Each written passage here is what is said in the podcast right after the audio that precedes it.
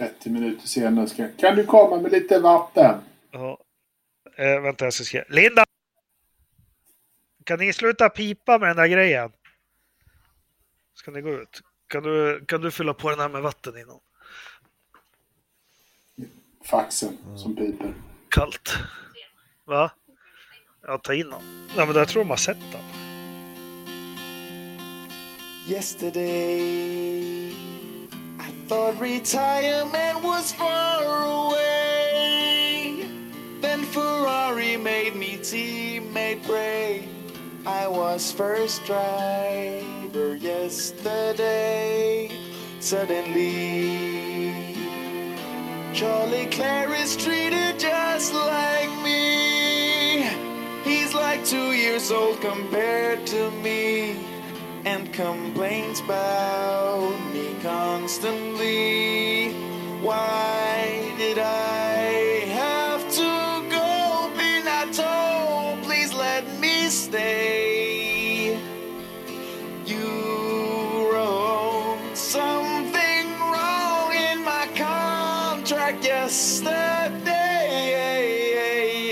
Yesterday. Raising was rewarding every way. Now your strategies have made me fade, and all the cards were flawed on pace.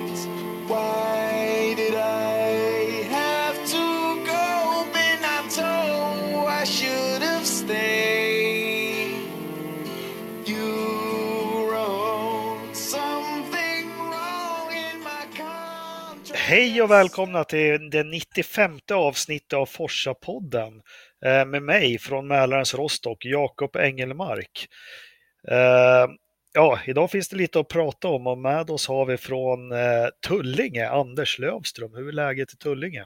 Jo tack, det är betydligt bättre än i Mälarens Rostock som jag förstår det. Ja, nej, här är det inte bra. Det är corona och Fast jag feber. har visst bara tagit en eh, Alvedon. Jag har visserligen tagit två, så att, eh, men det, det, kan ju bero, det kan ju vara därför som jag mår lite bättre än du då. Ja, så är det. Eh, ska vi ropa från Pumping Irons eh, huvudkontor, Pumping Iron Huddinges huvudkontor, Joakim Ternström, välkommen. Hur står det till med multiföretagaren? Ja, men tack så du. Det är eh, faktiskt jävligt bra måste jag säga. Uh, gymmet Eh, går ju för fullt. Eh, många kunder som kommer hit. Just i dessa dagar så är det många som uppskattar just att, att vi, vi kör med lite diskretion här. Så att, eh, Paolo, lägg ner den där stången nu för fan. Rätt lyftteknik ska det vara. Jävla idiot. Ja, så att... Eh, nej, men vi... Det går bra här ser du. Ja, Ternström, han hjälper inte bara eh, den nämnda med, med, med PR i dessa dagar utan ser till att han håller fysiken igång. Sen har vi på gränslanden mellan Älvsjö och Huddinge och Skarpnäck och allt möjligt. Jag vet inte riktigt, det är skitsvårt att geografiskt bestämma dig. Ridderstolpe, hur är läget? Vart befinner du dig? Ja, ja, jag är i Herrängen. Det, det är liksom ett eget litet område. Inte så mycket gränsland mellan, mellan, eh, mellan fantasi och verklighet i sådana fall. Eh, fast det verkar vara i Huddinge. Vad är, vad är skillnaden på Herrängen och Gubbängen? Ålder. Åldern? På själva orten eller på invånarna? Både och. Ja. Då, men ni är välkomna i alla fall. Avsnitt Ja, men tack. 95. Vi, vi kör som vanligt eh, 1995. Jag får väl börja här och få se hur länge jag kan prata utan att hosta. Eh, 95 var någonting, eh, ett år där vi stod inför ett nytt reglemente. Bilarna hade blivit lägre, man hade sänkt bakvingen och man hade tagit ner motorerna från 3,5 liter till 3 liter. Varvid många sa på försäsongstesten att de går ju som mopeder nu. Eh, man hade börjat värdera sittbrunnen lite grann. Ja, det var ett nytt reglemente och nytt var också att Schumacher, regerande världsmästaren, hade fått en Renault-motor i sin Benetton. Eh, ja, det var väl ungefär det som hände. Var, är det någon av er som har några minnen från 95 och Formel 1 Ja. VM? Ja, men det, det, vi, jag vet precis vad du kommer ihåg. Ja, att? Brea- att Briatore förstörde för Minardi redan på försäsongen. Nej, Berätta, vad, vad gjorde han då på försäsong? Det gjorde han visst det. Han köpte ju Ligier eh, Ja. år och eh, skulle ha... Eh, han hade inga motorer. Och Minardi hade skrivit kontrakt med Hart, va? Och då köpte Briatore Hart-fabriken. Eller var det Ilmor? Nej, inte Ilmor. Eh, Hart var det. Honda. Du gjorde Honda-motorer. Så det, mitt i alltihopa stod, eh, precis innan säsongen, så stod Minardi utan motorer och fick designa om hela bilen och göra det till en Ford-motor. De var jätteglada på Briatore. Det här låter som en LSD-tripp deluxe. Det stämmer, 94 gick eh, Briatore in som delägare i Ligier-stallet, vilket gjorde att 95 så såg, om ni googlar lite bilder, Ligier-bilen, vi pratar om Force India i år, den såg på pricken ut som Benetton-bilen. Allting var. Eh, Jag tror att de körde med Mugen Honda. De hade ju Mugen Precis, det. och det är anledningen till att Briatore köpte Ligier, det var för att få över Renault-motorn till Benetton. Ja, Eh, precis, Så var det. exakt. Eh, och, grejen var ju, det var ju, det var Tom Walkinshaw som var stallchef där i Ligier som han fick över, eller som började där. Och jag för mig att han har sagt efteråt där någon gång att vi hade i princip samma bil eh, så långt det gick som Benetton, förutom motorn då. Eh, det var liksom en blå kopia, så ändrade man lite grann bara för att den skulle se Ja, annorlunda inledningen av ut i princip. säsongen ser den exakt ut som Benettons bil. Man hade ganska eh, speciell motorkåpa. 95 var även året då det många trodde var omöjligt hände. Det var att Mansell gick till McLaren. Hur skulle han och Ron Dennis eh, gå ihop? Eh, det gick ju inte alls. Först fick han inte plats i bilen. Sen så kör... För fet Ja, för och så McLaren körde han två lopp med lite blandade resultat och fick lämna där lite med svansen mellan benen. Eh, Blandell, var ja. som körde Det stämmer istället. Blandell. En gul hjälm i Marlboro McLaren. Ja. Eh, Säsongen inleddes ju strålande, jag som var Damon Hill-fan. Han eh, började med att dominera Brasiliens Grand Prix, men eh, fick problem med eh, en bakhjulsupphängning i Senna Esse och körde ur i solklar ledning.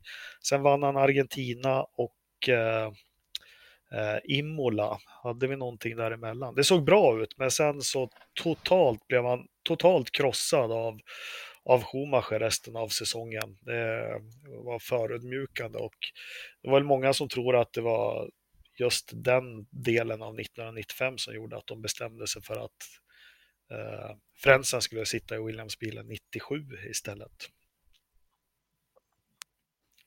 Har vi något annat minnesvärd? Mika Häkkinen kör in i räcket i Adelaide. Eh, stod på text-tv, vi pratade om text-tv sist, att han, eh, de misstänkte allvarliga hjärnskador. Och det var väl var det tidigt eller sent påkommet. Ja, det kan man ju diskutera. Nej, men han klarar ju livhanken där med en hårsmån. Eh, Mm. Om ni kommer ihåg den kraschen. Han får punktering där och går in väldigt elakt. Och, ja, skulle det varit idag, vi har ju pratat säkerhet också, skulle han haft ett sånt här Hans-skydd så skulle det nog inte hänt någonting. Damon Hill vinner sista loppet med två varv. Eh, Sean Alesi tar på sin 31 födelsedag ett bejublat, eh, en bejublad seger i Kanada efter Schumacher har fått problem med sin bil. Är det något annat minnesvärt Ternström, kommer du ihåg något från säsongen 95 som är minnesvärt? Medan Anders funderar hur han ska prata upp Montreal-loppet, för det ska han faktiskt få göra sen. Nej, vad fan. Det, faktum är att jag inte riktigt gör det. Eh, det var lite... Man hade, jag, jag hade ju mina förhoppningar på att Damon Hill skulle kunna, kunna utmana, men det, det gick ju inte riktigt. Schumacher var ju förkrossande överlägsen under den där säsongen. Och det var väl då Frank Williams gick ut och sa efter Storbritannien, det var lite kollisioner mellan Schumacher och Hill 95 också. Eh, han gick ut och kallade sin egen förare, förare för att han var a prat. Jag vet inte hur man ska översätta det. En skit, nej men en tunt. En prutt. eller vad? En prutt. Eh, ja. De körde ihop på Silverstone. Sen var det väl minnesvärt lopp var ju från Spa 95. Uh, Schumacher är helt briljant, stannar ute med torrdäck och Damon Hill i en överlägsen Williams bil på regndäck. Uh, kommer inte förbi på två varv. De kör ihop på Monza också. Uh, Damon Hill kör rakt in i baken på, på Schumacher som Schumacher är vansinnig och springer ut och ger han en liten fjantig klapp på huvudet när han sitter där i bilen. Så det var lite så. Nej, men Damon Hill, det, han var inte alls i form där. Nej, alltså jag, jag har en känsla av att han, eh, han, han var lite... Eh, det, det, det här, han körde lite grann med, med konsekvensen av det som hände 94, liksom hur den säsongen avslutades. Så, eh, han hade ett, ett jävla skört psyke under den här säsongen kändes det som. Ja, det, det som, som jag var inne på, det började ju väldigt bra, men när man läser hans bok och så. Mm. Eh, Frank Williams och Patrick Head var nog inga man skulle köra om man ville bli lite omhändertagen och få lite stöd. Nej. Nej, och, och, och det var väl det som kändes under den säsongen att han hade inte backning från dem. Mm. Desto mer så, ja, 96 så, det, det gör ju resultatet från 96 desto mer imponerande. Men då hade de ju redan bestämt sig för att göra sig av med honom. Precis. Ja, men han har ju en imponerande avslutning sista loppet för några kört. Ja. Jag tror han kör av, han kör av på Suzuka, han kör av på Nu börjar ring och han, har, nej, han är bedrövlig. Men Anders, det här året, Ferrari eh, kör ju mig, hette den 412 den bilen? Eh, frågar du mig det, jag som inte kan några såna jävla eh, vet du, det, bilnummernamn överhuvudtaget. Sånt och färg på curbs på banor och sånt. Det, eller ja, jag kan ett kurvnamn, men det ska vi ta sen. Det kom jag på här förut. Eh, min mark, Pa Parisaren jo, men den körde jag ju. Alltså den heter 412 T2. Googlar jag fram nu lite snabbt här i allt- alltihopa. Ja, Ja, så hette den. Och det är en av mina topp 10 vackraste Formel Ja, men- 1-bilar genom tiderna. Och det här är ju sista året som, som Ferrari kör med, med en V12 faktiskt, designad av Ja, John Bernard, där, som har gjort Nej, men den bilen. var snygg. Jag håller med dig faktiskt. Helt Eh, klart. Det har vi pratat om förut där. Att de där, Ja. den tidens eh, Ferrari var rätt snygga faktiskt. Jag, jag kan nog till och med hålla året innan som är ännu snyggare. Men nej, jag gillar dem. Nej, det är, ja okej. Ja, smaken är som baken. Men i den här bilen i alla fall, det intressanta är att när Schumacher får köra den första gången på, när han går över till Ferrari, han skulle jag haft den här skulle jag vunnit VM mycket lättare.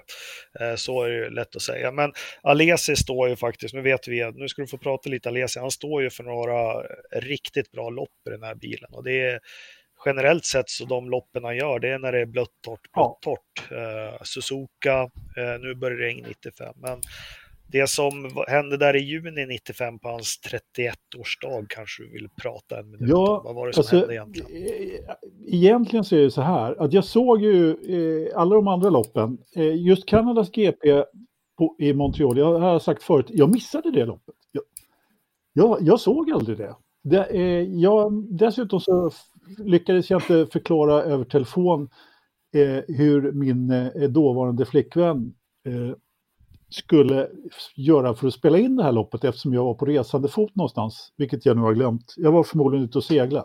Jag brukar vara det ibland. Och, eh, så jag, jag har ju sett det i efterhand naturligtvis, men eh, eh, jag såg alltså inte loppet live överhuvudtaget och fick dessutom reda på resultatet innan jag såg loppet, vilket inte hade hänt innan på rätt länge och eh, har faktiskt aldrig hänt efteråt heller. Eh, men Men vänta, vänta, vänta. Är det så här nu att hon klarade inte av att förstå instruktionen pl- play, rec på VHS? Men kommer ni inte Tryck, ihåg? tryck, tryck in ett band, tryck på två knappar samtidigt. En. hade, That's it. Nu förenklar Ridderstolpe, det var ett jävla meck. Dels så ibland skulle man ställa in videon på timer. Eh, Men sen var det ju så att du kanske hade Eurosport på kanalplats 7 på tvn. Du Och hade den 13. kanal... Precis, på och videon, då det, skulle man ha rätt Ja. ingång på tvn för att kunna se det som man växlade kanal på videon och gissa vem som lyckades med att spela in fel kanal. Inspelat blev det. Men naturligtvis, precis som Ola. du sa Jakob.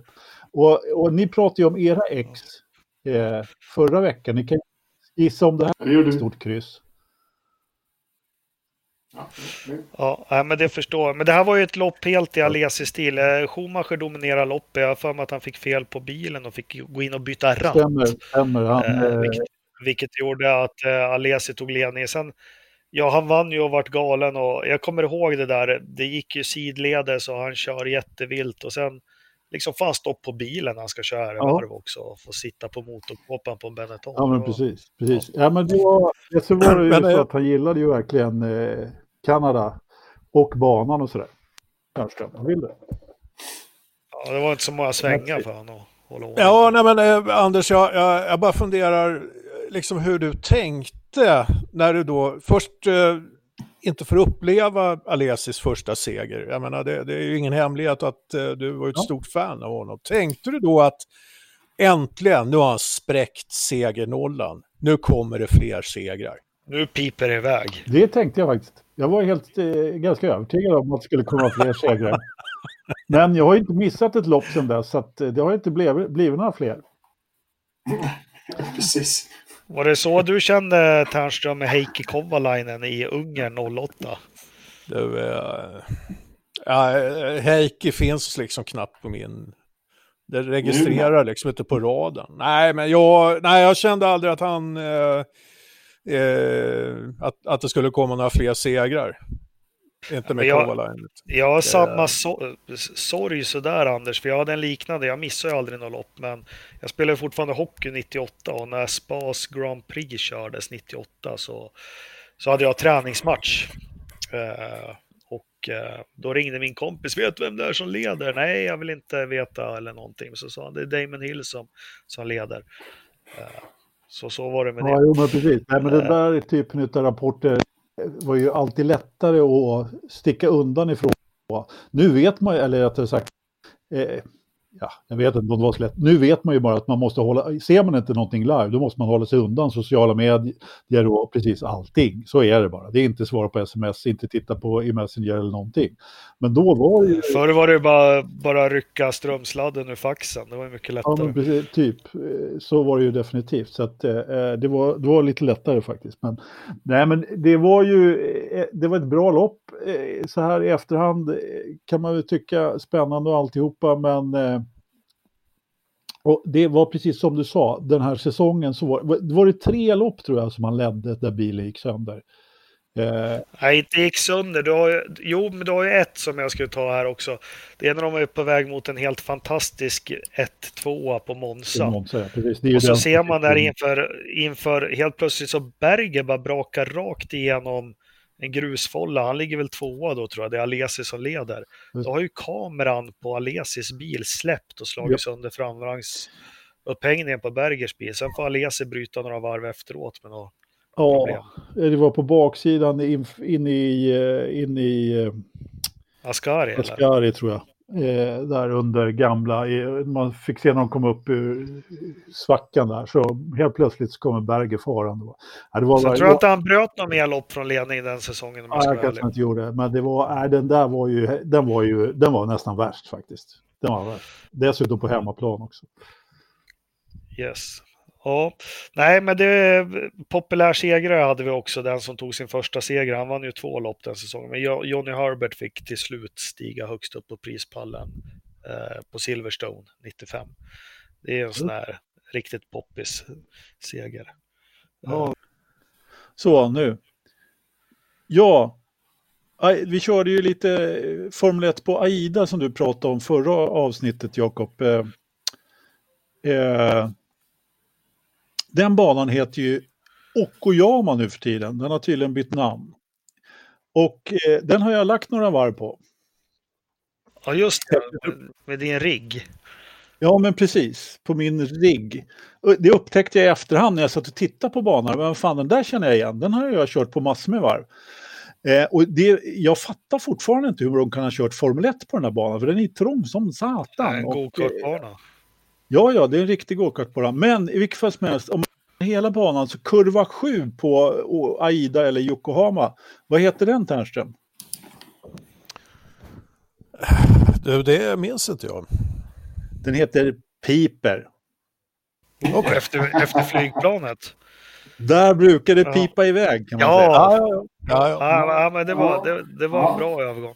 Eh, ni som undrar över att helt plötsligt Ternström har eh, öppnat gym. Anders har köpt en rigg för några hundratusen. Det är Swish-kampanjer, Forza Ja? Motorsport. Vi tackar så mycket. Eh, nog om säsongen 95. Jag hade nog mer att säga. Det har hänt. Det har pipit iväg rejält. Vi kastar oss rakt in i Formel 1 tycker jag. Indycar finns det inte så mycket att säga om. Men vi går direkt in på silly season, va? allting hände jätte, jättefort. Det är konstiga tider nu, ingen som kör. Eh, nu har det kommit fram lite mer idag vad det var som satte igång allting, men eh, jag lämnar ordet fritt och slänger ut det att Fettel, erbjöds han ett kontrakt eller inte? Nej, han gjorde väl inte det. Eh, det verkar ju inte riktigt som att de egentligen hade det, eh, den planen att han skulle fortsätta köra efter 2020. Eh, och när vi tittar tillbaka på 2019 så kan man väl inte riktigt vara jättelikt förvånad över att Ferrari ville göra en förändring när de väl inte, när de här hade chansen i ganska mycket närtid. Man kan inte säga att det är en, det är en dålig förare att ha under en övergångsperiod, Sebastian Vettel. Eh, så att, att ha honom kvar ett år under 2020 hade ju liksom i alla hänseenden varit en ganska bra eh, liksom brygga till, till nästa steg som Ferrari nu verkar ta, eller planerar ta, hoppas ta. Ja men Ternström, hur tror du de har resonerat i Maranello? För vi kan, vi kan ju göra oss roliga över italienare och allting, men det är ju faktiskt Ja. inga, det är inga idioter. Utan, Ja, men jag, alltså, jag tror problemet här är ju inte Fettels eh, kapacitet som förare. Liksom. Dä- Däremot att ha en förare med den kapaciteten som inte kan förlika sig med att han inte är nummer ett längre. Det är liksom ingen bra... Eh, det, det blir liksom ingen bra eh, grej i teamet. Va? Det blir ingen bra stämning. Det är, bäddar för fortsatta konflikter. Mm. Eh, Så att jag, och, men det, det som förvånar mig lite i den här affären är ju att om man nu var överens om att det inte skulle bli en fortsättning, att man inte kom överens om ett snyggare avslut på något sätt. Eh, Jo. Det, det, det, för att jag menar, här gick man ut med release liksom från McLaren och så vidare och från Ferrari och nu tar vi in Sainz här men i ett sånt här läge så borde man normalt sett ha kommit överens om, ja men hur går vi ut med att Vettel inte kommer att köra längre på Ja, men det... Men vadå? Det blev- det, det blev inte så fult. Vadå? Jag först, nu förstår jag faktiskt inte. För jag tyckte att Ferrari och Vettel kommunicerade typ på det sättet som man kan förvänta sig. Vi har kommit överens om att vi ska inte fortsätta det här. Och de var ju ändå först. Eh, att det sen kommer en massa... Ja, men det, det, du, är, det du kanske söker Ja, nu ja, det, kunde, ja, det kunde vara, vad ska man säga, det lite... eh, Det, där, det, alltså det, det var lite krass kommunikation tycker jag. Det var det, ett, Ja, inte värdigt en eh, fyrfaldig världsmästare på något sätt. Va? Nej, men- det, det, det som händer, det händer ju pang, pang, pang. Och nu har det ju kommit Ja. ut att Ferrari har ju varit på Science i, i vintras. Jag tänker vi kommer till det, men det du kanske syftar lite till också, det var ju hur avslut... Jag tyckte det var ett bra pressmeddelande som Ferrari skickade ut. Jag tyckte det McLaren med Carlos Sainz och Carlos Sainz själv gjorde var fantastiskt bra. Men det är ju det som Cyril gör med Ricciardo och Renault som kanske framstår som lite osnyggt. Kan ju bero på att han är rätt, rätt, rätt förbannad på, jo. på Daniel. Eh, så. För det satte igång, det satte igång en... men skillnaden här är ju att, att eh, Ferrari och Sebastian har haft en, någon form av kommunikation, har haft någon form av dialog eh, någonstans där de har sagt att vi kommer inte köra det här tillsammans eh, något mer. Eh, Carlos Sainz har gått till Zac Brown och sagt hej, Ferrari vill prata med mig om framtid, är det okej? Så de har haft någon form av dialog där Zac Brown har sagt okej, du får prata med Ferrari. När det skedde, det vet, spekulerar vi liksom. Däremot så verkar det inte riktigt som att Daniel Ricciardo hade någon tydlig kommunikation med Cyril och sa Tjena, McLaren vill prata kontrakt med mig. Det är nog där problemet började. Och, då, och sen med Ricciardo, uppenbart, jag vet inte om han har rätt att förhandla med andra team under tiden han står kontrakt med. Liksom. Men det har han, verkar han ha gjort ändå. Men eh, helt plötsligt så bara han, nu signar jag med, med McLaren här. Och då har ju liksom Renault tagit en jävla investering i, i Daniel Ricciardo som de hoppas på åtminstone ska vara mer än en och en fjutt säsong. Samtidigt så har ju inte Renault levererat till Daniel Ricciardo. Och jag tror helt enkelt att det är så här enkelt att Carlos och eh, Zac har en eh, fin kommunikation. Jag tror att Fettel och Binotto har kommunikation. Eh, och sen hur bra den är, det är väl lite mer knaggligt kanske. Jag tror att problemet här är att Abitibull är inte en person som du säger till att "Ö du, de ringde lite här, Zac ringde, jag tänker åka över och snacka med dem. Det funkar liksom inte. Och det är också som någon beskrev det, det är ju, det är ju ett steg sidledes som han tar, Ricardo. Han tar ju inte ett, och då är det ju svårare också. Och, och, jag menar, om Ferrari ringer, då vet ju varenda stallchef i Formel 1 att ja, då måste de släppa sin förare. Det är samma sak om Mercedes ringer. Red Bull också kanske. Att, ja, men då har man förståelse för att föraren vill vidare. I Ricardos fall så, så försöker han bara... Kan du sluta skramla nu, Ridderstolpe? Tack. I Ricardos fall så han försöker ju bara fixa någonting som är eh, lite bättre än Renault. För han, där, det, det blev inte bra. Sen eh, kan man ju leva på förhoppningen naturligtvis, men McLaren har ju trots allt, eh, är ju trots allt på uppgång och har ändå en, eh, liksom en, en, en hyfsad utvecklingskurva så här långt. De är ändå på uppgång, vilket Renault inte är skulle men- jag vilja men- säga. Ju, Ja, ja, jag, jag håller med. Han är väl ute efter Merca-motorerna, men jag vet inte hur man ska bryta ner det här. För det vart ju, det vart ju Vettel går pang, Sainz in, pang, Ricciardo går till McLaren. Alltså, allt gick ju väldigt fort och då förstår ju vem som helst att det här har ju varit på gång ganska länge. Och, eh, det har nog säkert funnits någon kommunikation mellan stallen och allting. Men det som gör det här extra konstigt är att det händer nu i, i maj. Vi är ju vana att det här händer i, i, till hösten. Jag tror så här, fast det här är ju en gissning naturligtvis. Det som Ternström var inne på, att det var lite knögligt i kommunikationen och att det inte var så snyggt. Jag tror helt enkelt att det var någonting som började läcka. Eh, och det pratades ju en del, eller det har pratats väldigt mycket om Fettel och hans eh, förlängning med eventuella eh, framtid här och där. Och eh, förmodligen så är det så att någon, någon del, jag vet faktiskt inte vilken, men någon av de här tre delarna läckte. Och vilket gjorde att okej, då är det bättre att förekomma än att förekomma. Så, så publicerar Jo, man helt men- enkelt sina Men, pressmeddelanden. Och då, och då är det ju klart att då måste, då, annars så blir ju spekulationerna Ja, fast- så hårda om vem som ska efterträda då och så Det, vidare. det är inte det, jag är ute efter. Det jag är ute efter är att man byter stall hux flux, särskilt Ricciardo, utan att ens ha kört bilen knappt i år. Eller, han vet ju inte alls var McLaren står eller någonting. Det här brukar ju komma lite senare.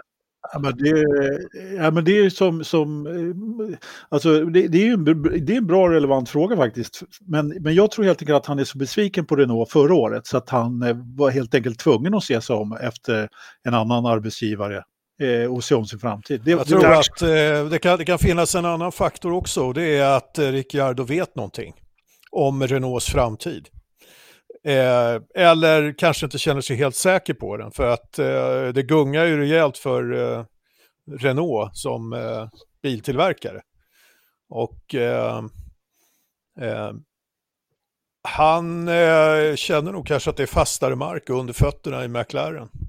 Kan vara en sån faktor och det skulle också förklara Abite Bulls eh, vrede nu då när, när Ricciardo försvinner. Därför att eh, Renault kanske hamnar i en situation där de har jävligt svårt att eh, hitta en ny förare. De kanske bara kommer att kunna locka förare som eh, eh, inte har någonting att förlora.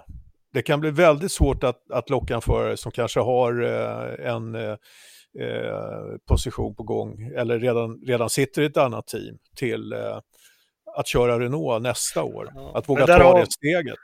Där har vi Cyril, det är ganska mycket prestige för honom i Ricciardo. För vi minns ju, han fick ju faktiskt gå upp till styrelsen och, och be Ja, ja. om den här investeringen och ta över honom. Och de tog ett steg bakåt säsongen som Mm. var och det, det, det blir ju en trovärdighetsfråga. Alltså, han visar ju Absolut. ganska tydligt att, att han inte tror på Renault. Eh, Ja. så på det viset. Men, Ja, men, men, det, där, men där kan du faktiskt ha någonting. Eh, att varför de, de Gamblade ju och, och tyckte sig vinna stort när Ricciardo eh, kom över. Eh, bara för då hade man liksom stjärnföraren i, i stallet. Man skulle, nu visar vi. Nu, vi kan det här, vi kommer att köra det här. Det kommer bli så jäkla bra alltihopa. Eh, sen förlorar man stjärnföraren efter liksom... Eh, han har varit Tydlig, eh, otydlig och liksom maskerat sådär lite lagom sitt missnöje med, med själva bilen och allting sånt. Problemet är då att då har liksom Cyril satt hela sin prestige på att nu har vi den här killen, han kommer köra, han kommer, han kommer se till att vi vinner. Om han lämnar, ska, om man inte får någon ny up and coming lovande eh, talang som man inte verkar eh, få till bara sådär. Varför ska då själva styrelsen återigen börja investera en jävla massa pengar för att vänta i fem år till? Varför det är liksom, nu börjar vi snacka att det kommer inte att det kommer inte att bli en, en, den här utvecklingen av, av bilen som Ricciardo skulle kunna driva. Ja, det, det, Jag vet inte vem som ska driva den. Hulkenberg drev den inte i mål. Så varför ska de ta in honom och försöka liksom bli en vinnare av den här bilen? Han lyckades inte på fyra, fem år. Mackan snackas det om. Nej, det gör det inte alls. Ja, jag skojar. Ja. Eh, Nej, men, men, men, alltså, men, men alltså, problemet är då, alltså, då kommer ju styrelsen att verkligen fundera på men jag tänkte... Varför gör vi det här? Ja, och där, där är, jag har inte lyssnat klart på avsnittet, men han är Joe Savard, Savard, vad heter han?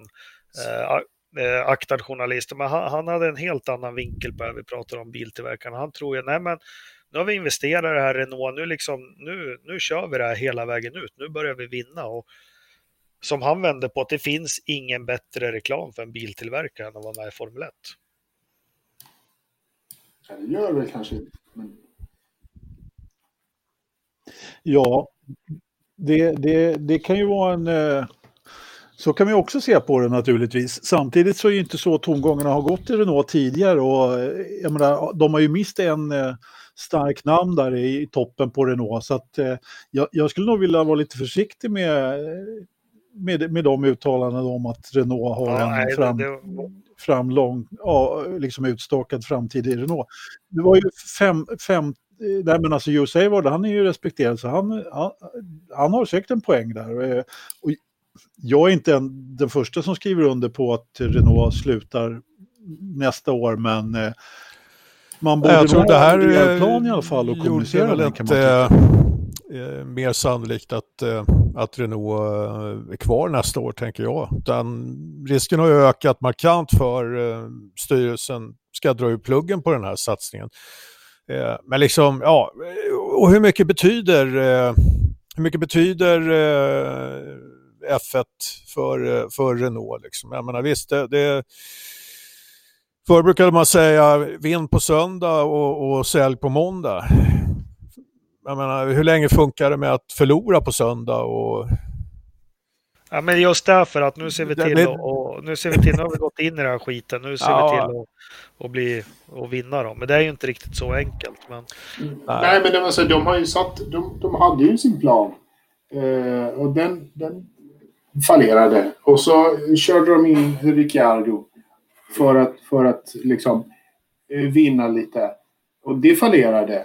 Och då drar Ricciardo... Alltså, så här, han drar omedelbart. Jag tror att det gjorde så jäkla ont. Alltså, jag tror att det gjorde skitont. Så jag förstår att David Boll är förbannad. Eh, för att han, han satsade allt på Ricciardo. Och nu... Nu föll det och jag tror att så här, nu har jag liksom blivit inne på Ternströms eh, vågning här och det är fan jobbigt kan jag bara meddela. Men alltså jag tror att det är svårt för den här Renault, för Team Renault F1 att övertyga Renault koncernstyrelse att de ska fortsätta pumpa in galet mycket pengar i det här. Jag tror att vi kommer, förmodligen kommer vi få se, liksom, om, om Renault ska vara kvar så kommer de eh, teama upp med Zac Brown och köra stenhårt på budget, budget cap. Eh, För att liksom, så här, annars så blir det ingenting. Vi måste pressa priset och allting. Fast det var väl Farkas inne på, för det är väl över ett år sedan han var med hos oss, att eh, Renault är väl ett av de stallen som slåss väldigt hårt för budget cap och, och förbereder, eller hela sin satsning bygger på det har jag för att han sa. Eh, förlåt Farkas att jag inte minns bättre. Men eh, heta stolen hos Renault, vem, vem, vem går de för nu då? Vettel eller Alonso? Ja, men alltså, hur... Då, då ska Bitterbull gå upp till styrelsen igen och säga, "Hörni, för fan, jag måste ha lite mer deg här.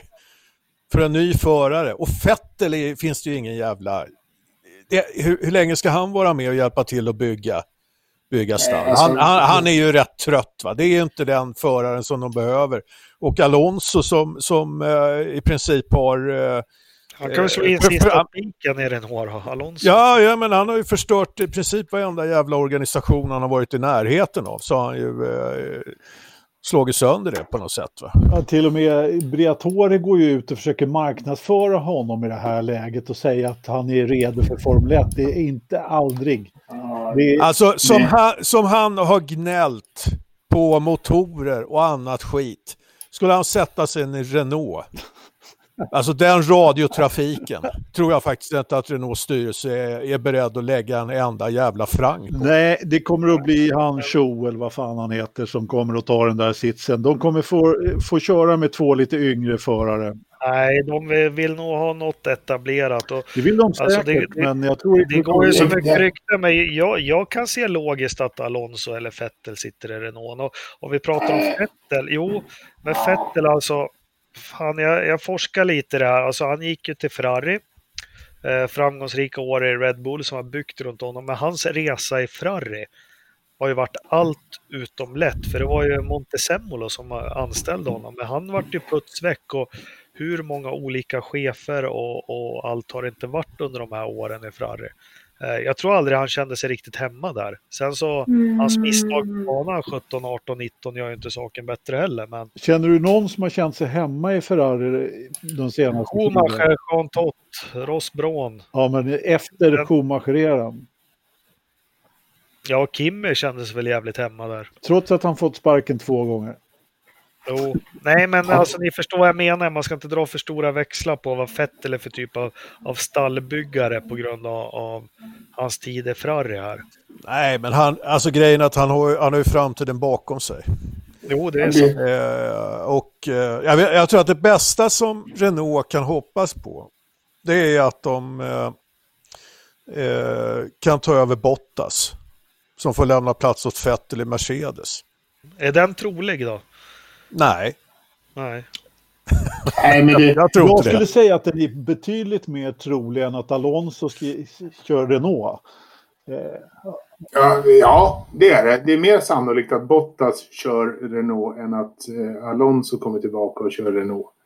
Eh, och det, det tror jag faktiskt är ett, ett jävligt mycket bättre alternativ dessutom. Och, och då har vi snackat ner Bottas i flera år. Jag, Eh, jag, jag, tycker, jag, jag måste säga att Men alltså- jag tror att vi bestämmer att det blir så, för det var ett rätt bra scenario. Nej, men jag tror hela havet stormar här nu så tror jag Bottas faktiskt är den som står utan stol. Om vi ska vara helt, det helt ärliga. För, det alltså, för nu stormar det rejält. Men jag tänkte, vi svävar iväg. Men jag vill bara först, man valde Sainz till, till Ferrari. Varför det? Istället för Ricciardo. Man vill, ha lugn, man vill ha lugn och ro. Sainz är en jävla... Ja. Han är en team, eh, han är en teamplayer liksom. Han kommer inte att... Eh, det kommer liksom inte vara någon friktion mellan honom och eh, Leclerc. Och jag tror att de vet att han är, han är jävligt stabil, han håller en hög lägsta nivå. Men hans högsta nivå tror jag... Jag, jag tror att de, de är liksom inte rädda för att den ska utmana Leclerc. Utan det, det, en, det blir en väldigt bra eh, andreförare i teamet. Fast jag tror, jag tror alla går fel där när man tror Sainz är nå- nå- att han skulle köpa den rollen. För eh, nummer ett, ja teamplayer, men det var ju jäkligt mycket friktion säsongen 15 och halva 16 mellan honom och Verstappen.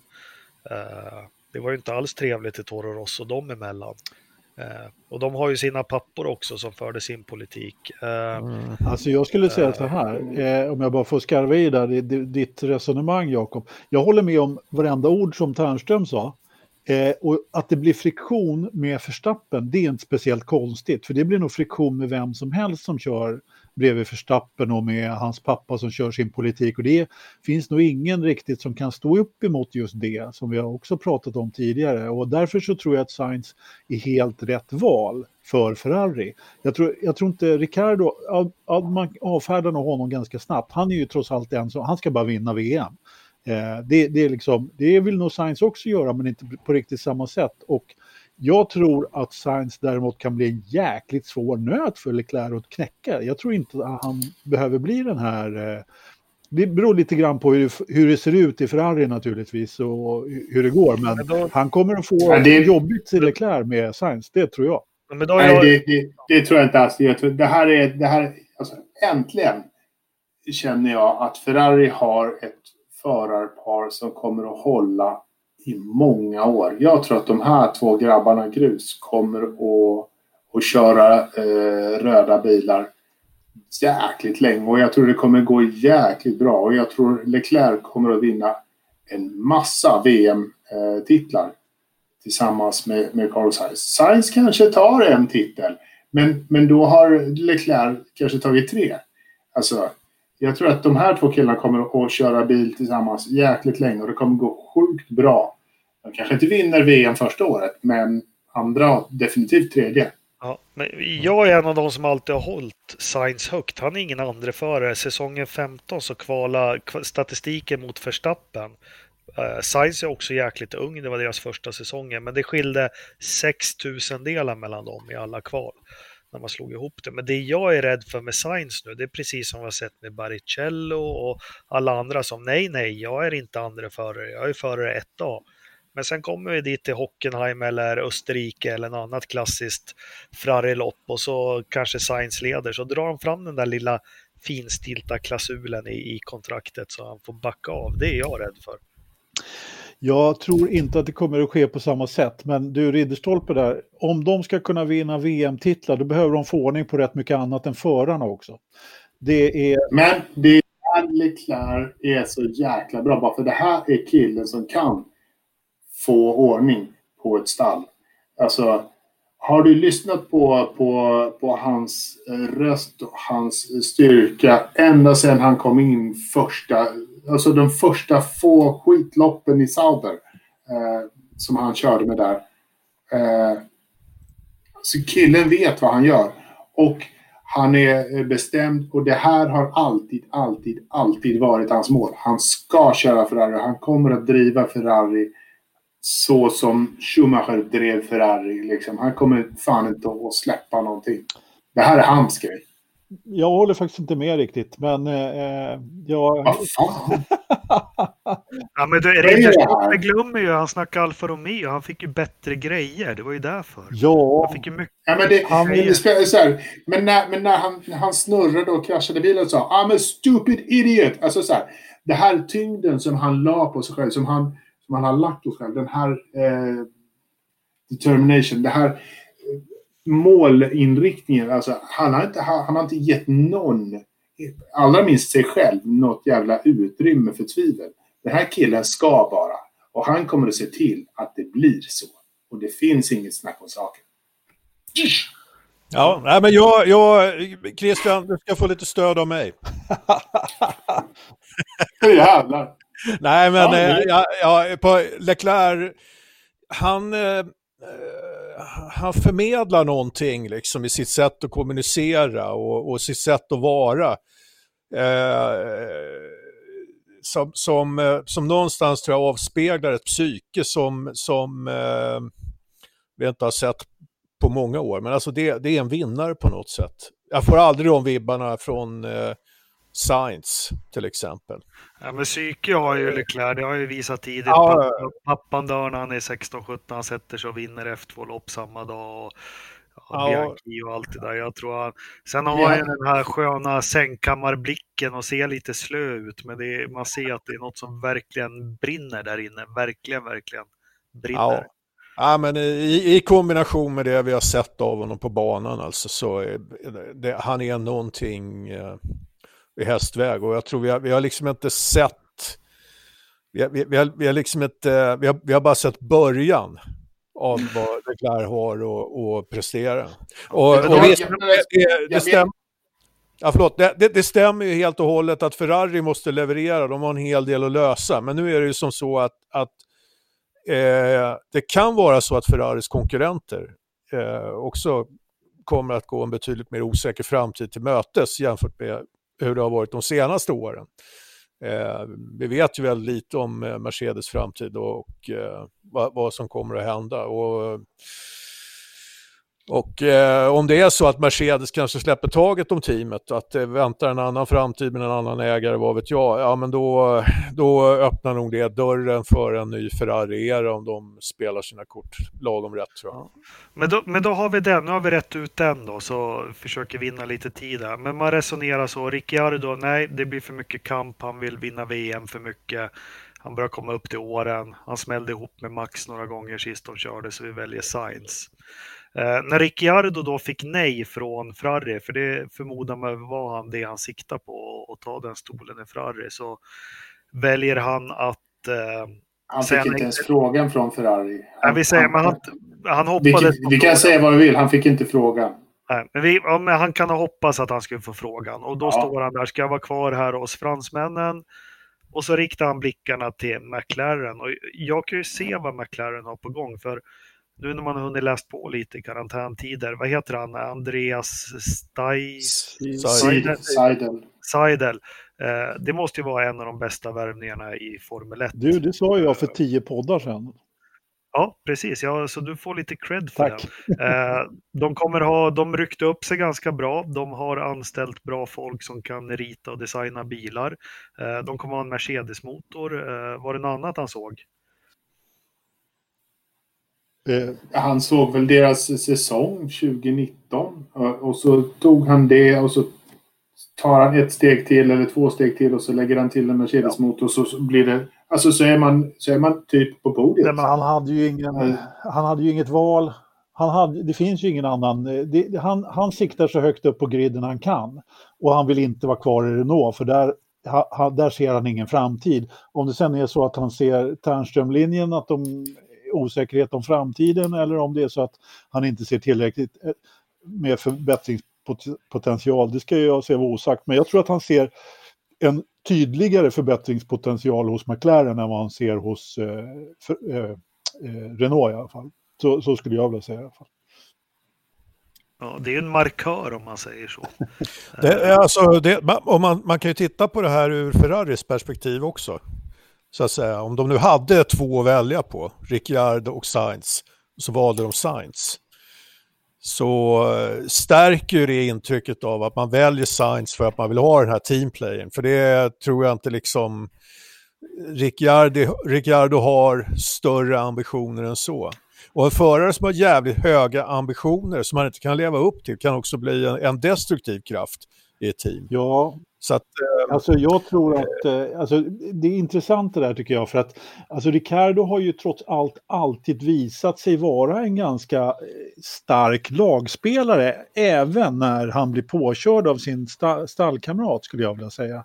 Det är inte så att han direkt har gått och grinat eh, efteråt och skyllt på andra utan det var trots allt, även om det var friktion i Red Bull när de körde tillsammans så var det ju trots allt inte det utåt på samma sätt, även om det kanske var det som fick honom att lämna. Men eh, eh jag tror helt enkelt att man valde eh, Ja, nu, jag vet inte riktigt vad jag skulle komma med det där eh, resonemanget. Det de försöker säga det var ju det här att i Baku på långa rakan så bromsar Verstappen och lägger i backen och kör på Ricciardo. Var det det du menar med påkörning? Ja, alltså, det, det var ju ganska tydligt att eh, Ricardo inte fick det stöd från stallet efter den, eh, Precis. efter den eh, händelsen. Eh, sen att det var Verstappens fel vet ju alla utom Engelmark då. Men eh, eftersom allting som Verstappen kör eh, kör, ju, kör ju in i folk till höger och vänster. Vi har ju till och med en programpunkt i podden som heter som är döpt efter honom. Nej då, men skämt det efter jobb. Ja, men skämt åsido. Nej, men alltså det här valet. Jag tror att Ferrari helt enkelt, de hade, precis som ni säger också, de har helt enkelt tagit rätt på den här typen av person vill vi ha, den, den här typen av förare vill, vill vi ha och där passade Sainz bäst helt enkelt. Man, man, Men, men jag tror inte att Ricardo ville köra med Leclerc, Leclerc heller om jag ska vara helt ärlig. faktiskt. Men, men då, då, har vi, då har vi löst den nu, men då, då tar vi Ricciardo. Han gjorde han flydde ju kampen som Horner säger, men han resonerar, jag tar ett steg bakåt med Renault för att sen kunna ta två steg framåt. Det är ju, det är ju solklart, men det har ju faktiskt misslyckats nu, för, för som du var inne på i början Anders, Ricciardo, han tar väl, han har tagit ett steg- steg bakåt, gått till Renault och så tar han ett steg åt sidan nu då. Eller? Alltså, Mm. får, jag- får jag flika in där? Ja, precis det där eh, som du säger nu. Det kan ju också vara så att Ricciardo har gett sig själv lite av en förlorarstämpel när han, när han eh, lämnade Red Bull. Och han klarade inte den fighten mot, mot eh, Verstappen. Och, och eh, är det föraren man vill ha i ett team som Ferrari? Jag vet inte. Ja, jag håller med och lika, han är 31 år liksom. Han har Ja. bråttom nu. Han har bråttom. Ja, alltså eh, Fettel, han är inte lastgammal han heller. Han skulle lätt kunna köra några år till. Nu går jag in på en annan förare som vi inte riktigt har pratat, eller jag tycker... Ja, men är vi klara med Ricciardo varför han valde McLaren eller hade han inget annat val? Han valde McLaren för att det var det uppenbara valet. Om man nu ska flytta på sig så ska man gå dit. Vi- Eh, om, det inte finns, om det inte finns någon i topp tre-stallen och det gör det inte just nu. Och nu har vi några dansanta kvar och vi har faktiskt några, för man får ju räkna en fabriksstyrning i Renault som het. Eh, sen ryktas det om det här med Mercedes också, så om, om vi löser de två, vem... de- De som är i ropet, om vi tar lite namn, Vettel utan styrning. Eh, vi har, det pratas om Alonso, vare sig man vill eller inte så pratas det om honom. Eh, det pratas om Vettel till Mercedes, vad händer med Bottas då? Alltså, Eh. när du är inne på Mercedes, vi ska också komma ihåg att det finns ju en kille till i Mercedes som inte har kontrakt längre än 2021. Va? Mm. De har ingen, ingen kontrakterad för, för 21. Nej, men vad, vi måste ju trots allt, vad vi än, hur vi än vill, så måste vi sätta en gubbe i, i Renault-bilen nu. Och det, eh, vilka kommer hugga hårt på den? Eh, vad, vad är mest roligt? Eh, vad händer med Bottas? För jag tror in, ingen rök utan eld. Och framförallt Eh. sista frågan, vad händer om Vettel, liksom de här 15 loppen som är nu, om han vinner nio av dem och tar titeln? Om man nu skulle bortse från att Renaults framtid kanske ter sig lite osäker så finns det ju ett par förare som, som eh, nu vet jag inte hur deras kontraktssituation ser ut, va? Men, men för dem skulle nog kanske eh, Renault kunna utgöra en bra eh, planka, språngbräda till, eh, till en fortsatt karriär i F1. Va? Jag tänker på eh, Gasly till exempel, eh, Kviat. Eh, alltså det skulle, det skulle möjliggöra för dem att ta sig ur den här eh, Red Bull-tvångströjan eh, och eh, kunna liksom skapa en egen eh, F1-karriär lite på egna ben. Eh, Hulkenberg är också en, ett namn som man skulle kunna kasta in i, i hatten, även om det, det känns väldigt långsökt att han skulle hamna i Renault-sitsen. Men han skulle kunna vara en lösning för någon typ av, av sådana här rockader som man skulle kunna tänka sig skulle kunna ske. Eh, så att, eh, ja. ja men där, där har ni mina, mina funderingar. Var, var, varför, ska inte, varför ska inte Grosjean gå dit då? Ja, nu, Fransman tillsammans. du, ja, men du är ju även Haas eh, framtid Ja. jävligt säker, så att visst, absolut. Eh, jag tror att det handlar jävligt mycket om att eh, eh, Abite Bull måste nog kunna visa upp ett bra namn som inte kostar allt för mycket pengar eh, Mm. inför styrelsen. Och, och risken är väl att Fettel är ju alldeles för dyr. Å andra sidan så vore han ett, ett jävla bra påtryckningsmedel liksom, gentemot styrelsen. Men sä, skulle de säga nej till, till Fettel och sen är det ju Ja, men frågan då, om Fettel det, en Renault liksom. Men, men eh, eh, för det här är ju någonting som ska göras på, på tre säsongers sikt eller någonting sånt där. Va? Man, man ska ta in en sån förare. Och, och han ska vara villig att lägga det jävla krutet på det liksom. Och det är ju osäkert om man, om, om man är det. Alltså, jag gör så här, styrelsens argumentation för att ta in en, en, en förare som Vettel, så här, vi gjorde med Ricciardo, se hur det gick. Eh, liksom, vi satsade våra, våra 500 miljoner per säsong på, på den där grabben. Vad fan gav det oss? Ett stort jävla hål i plånboken, inte ett jävla bil såld med för det i Australien. Vettel, varför ska vi ta honom? Ska vi göra samma sak en gång till? Eh, Det- det- det, är svårt, det är svårt, svårt att övertyga det där caset kan jag säga. Men Då är, då, är det nog, då är det nog bättre att ta någon... Men fan, de sitter i en sån jävla skitsits. Alltså, de behöver ju en Vettel, men de har inte... Det är svårt att få dit det. För de har råd Fyra, med... fyra världsmästerskap väger nog tungt i, i, med en Renault-motor också. Eh, och, Sen finns det ju en faktor till, don't mention the war. En tysk... En, ja, sen, sen, tror jag att det är så här, det kan vara så här också. Det, jag menar, det känns som att Renault befinner sig vid ett vägskäl. Så det kan ju vara så, visst. Eh, styrelsen säger, visst, vi tar Fettel, men eh, Cyril, eh, det, det är nog dags för dig att, att gå. Mm. Menar, vi, vi, är beredda att, att satsa på ett F1-team och, och, få det här och, och liksom landa i en eh, VM-seger någon gång i framtiden. Men, men eh, de, du har fått din chans, vi måste nog byta ut dig. Liksom. Alltså, de behöver ha någon form av jävla nystart på det där teamet. Ternström, nu, vänta lite nu här. Du byter alltså ståndpunkt från att Fettel lägger av som du har kört med nu ett par år till att Abite Bull får sparken. Det var, den vändningen såg jag fan inte komma. ja, men jag tror att det behövs... Eh, jag menar, hur fan ska det, det... Det är ju samma recept igen. Kommer Cyril än en gång upp till styrelsen och ska försöka övertyga dem? Han har ju inte rätt. Nej, men jag tror att han har tröttnat på det också. Han vill inte gå dit med, med mössan i hand hur mycket som helst. Liksom, han, gjorde, han bönade och bad för att få råd med Ricciardo. Han vill, och liksom, det är inte skoj att få så mycket skit som han får liksom, av sina chefer. Jag tror inte det är, liksom, det är ingenting man håller på med längre. Men Fredrik Vassör har väl varit på tapeten.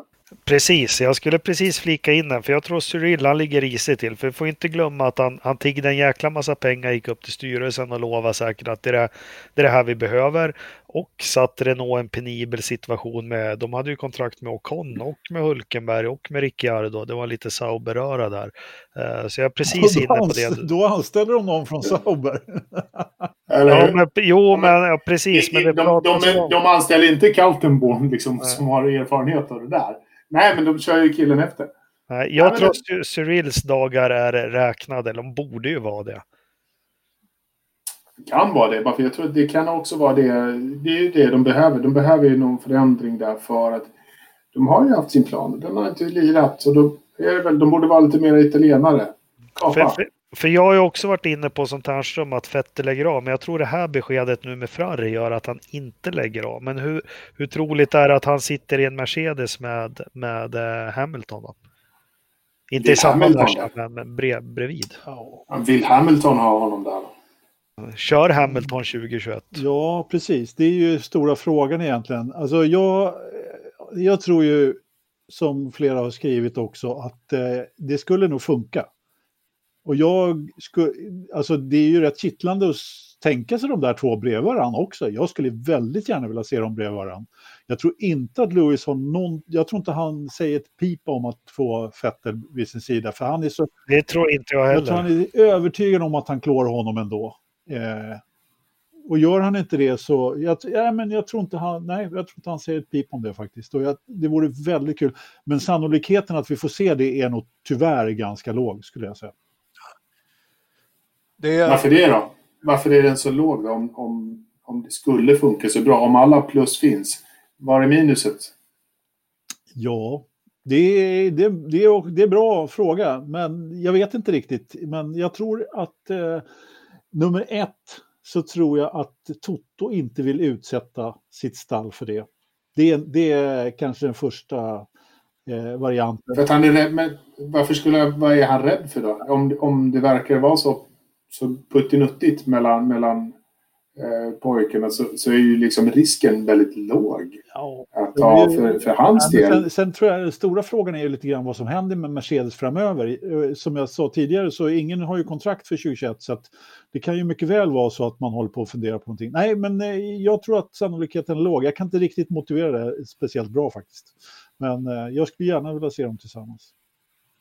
Jag kan, jag kan säga att sannolikheten är låg för att medelåldern i det stallet skulle vara så jävla hög. Så att det är ingen, det är ingen framtidsvärvning att ta in eh, Vettel bredvid Hamilton. Eh, du har ingen långsiktighet i, i det teamet. Det är liksom, Nej, de har... Jämför då med Ferrari som har långsiktighet med två ungdomar. Det... Och, och liksom, nej, jag säger inte att de är 65 direkt. Men eh, ge dem tre år, eh, två, tre år, sen är de rätt bra. Nej, men du har rätt. Russell står ju på tillväxt där. Så är det. Ja. Det, man ska ha någon... Så här, man, man vill ha sina 6-7 år liksom. Tärnström då, vad säger du?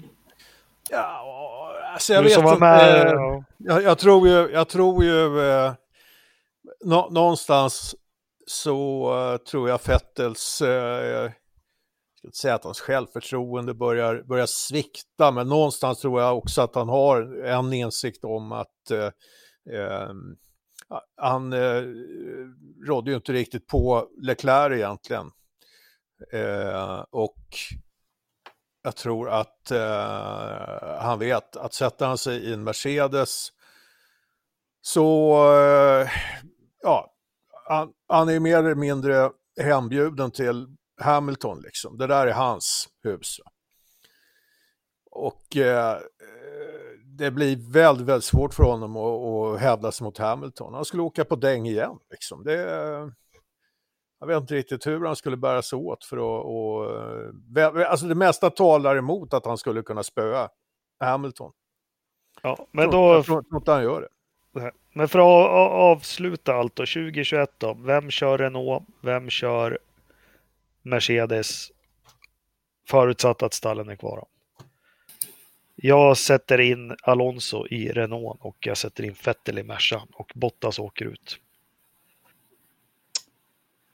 Guangzhou i Renault och eh, Bottas sitter kvar. Guangzhou i Renault och eh, George Russell i Mercedes. Fan, det glömde jag. Eh, jag säger eh, Gasly i Renault. Och Ocon. Ja, Man, man, man, man satsar helt franskt. ja, I Mercedes då? Den sitter i Tyst. Mercerna. Heidfeld och, och någon mer. Von Trips. Ja, von Trips. Ja, Jochen. Mercedes. Ja, ja, det mycket lutar väl åt att det blir Hamilton och Bottas. Hamilton har någonstans eh, snackat om att han vill ta ett sabbatsår. Nu har han väl fått det eh, lite mer ofrivilligt i år, så här långt. Så jag vet inte. Eh, flyttar han på, vill han ha sitt sabbatsår 2021 så sitter nog Vettel i Mercedes tillsammans med Bottas. Annars är det Hamilton och Bottas. Ja. Nej, men vi får se. Det är ju spännande att det händer någonting i alla fall inom Formel 1 nu. Nu är de ju på tapeten igen. Och jag ser Fan. du som har tv-kanalen Ridderstolpe, alltså Sky, de går ju bananas. De lägger ut saker på YouTube varje dag, långa avsnitt. Men det, Att det, händer någonting, Jakob. Vad fan, här är det dött, dött, dött, händer ingenting, vi kör ingenting, vi sitter och pratar om absolut ingenting. Och så på ett par dagar så bara exploderar ja, jag sa ju det. Det är kul som fan. Eh, sen är det kul att följa all media också. Jag är ju väldigt stort fan av The Race. Jag tycker de har jättebra artiklar och, och jättebra YouTube. Vad fan heter det? Vlogg fortfarande? Eller vad heter Ja, det jag tror det.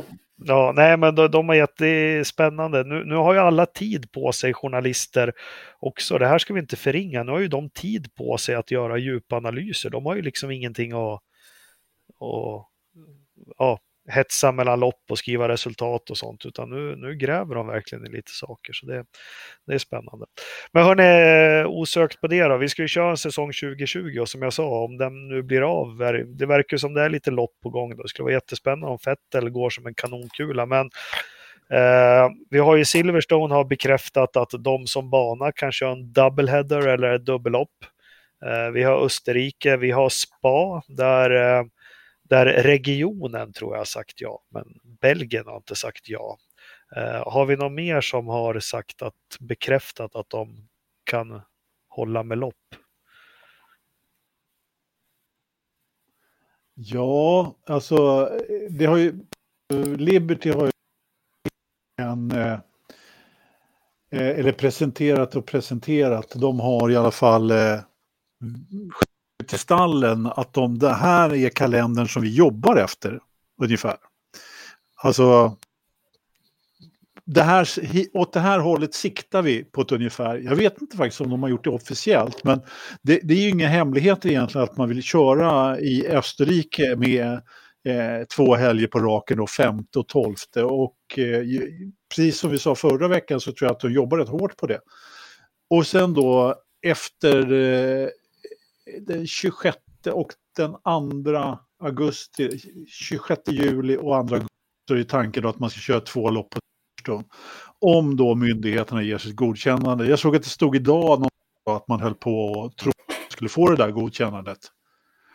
Om inte, om man inte får det där godkännandet Ja, så, skulle, Precis. Men det är väl det... eh, så står Hockenheim redo att köra. har, jag vet inte. det- De har ju gått ut med det officiellt på f1.com att det här är... This is the plan. Eh, om jag inte har fattat det helt fel. Eh, men eh, sen har väl efter Hockenheim och sånt så har, hoppas de väl fortfarande på att det ska bli någonting i Budapest och sådär. Men det är, det är inte så många andra, som Jakob sa, det är inte så många andra som har, som har egentligen uttalat sig om, om någonting mer än Österrike, lite Belgien och Silverstone som har sagt något. Väl?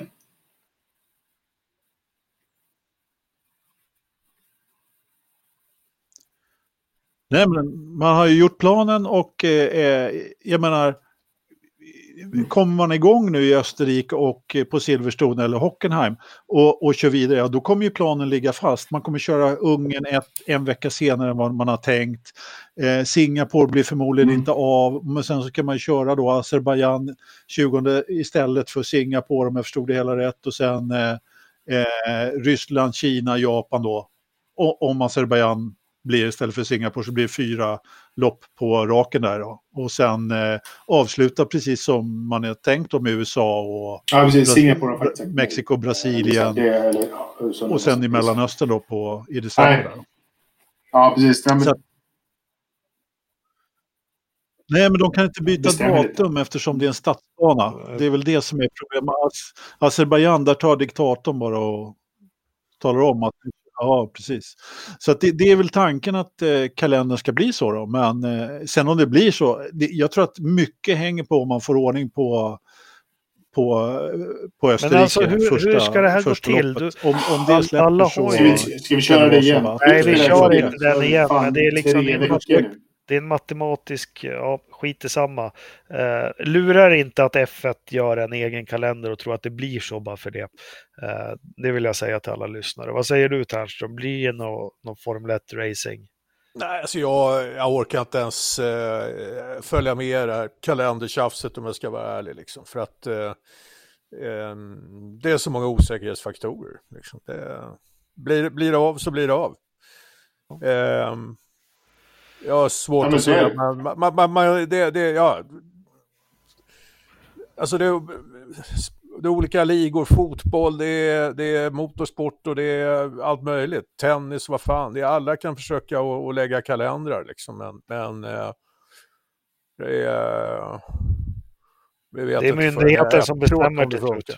Ja, ja visst. Nej, men det, vi, vi, jag tror vi är jävligt långt ifrån att det går att genomföra något. Men det är klart, de Men- ska väl planera. Men man, ja. det, det, det, bara för att de planerar innebär inte att det blir av. Men du, då kör vi en sån fin övergång då. Eh, du är lite involverad i svensk racing och V8 Thundercars. Hur, hur, hur går resonemanget där med, med den serien? Ja, vi gör väl som eh, de andra klasserna. Vi, Planerar. eh, planerar. Nej, men vi, vi gör ju inga jättegrejer och, och går ut med att nu kör vi eh, västkustloppet här. Liksom. Vi, vi, så vitt vi vet nu så kommer västkustloppet att bli av eh, tills annat är sagt. Och eh, då, Men- då, kör, då kör vi väl där då. Men eh, då är det, det finns också väldigt många faktorer. Eh, mm, det När är, är det då? mitten av juli där. 11-12 är det ju planerat till. Eh, Men, men det vilka finns- för men det diskussioner När är med och västkustloppet? inför ett sådant beslut?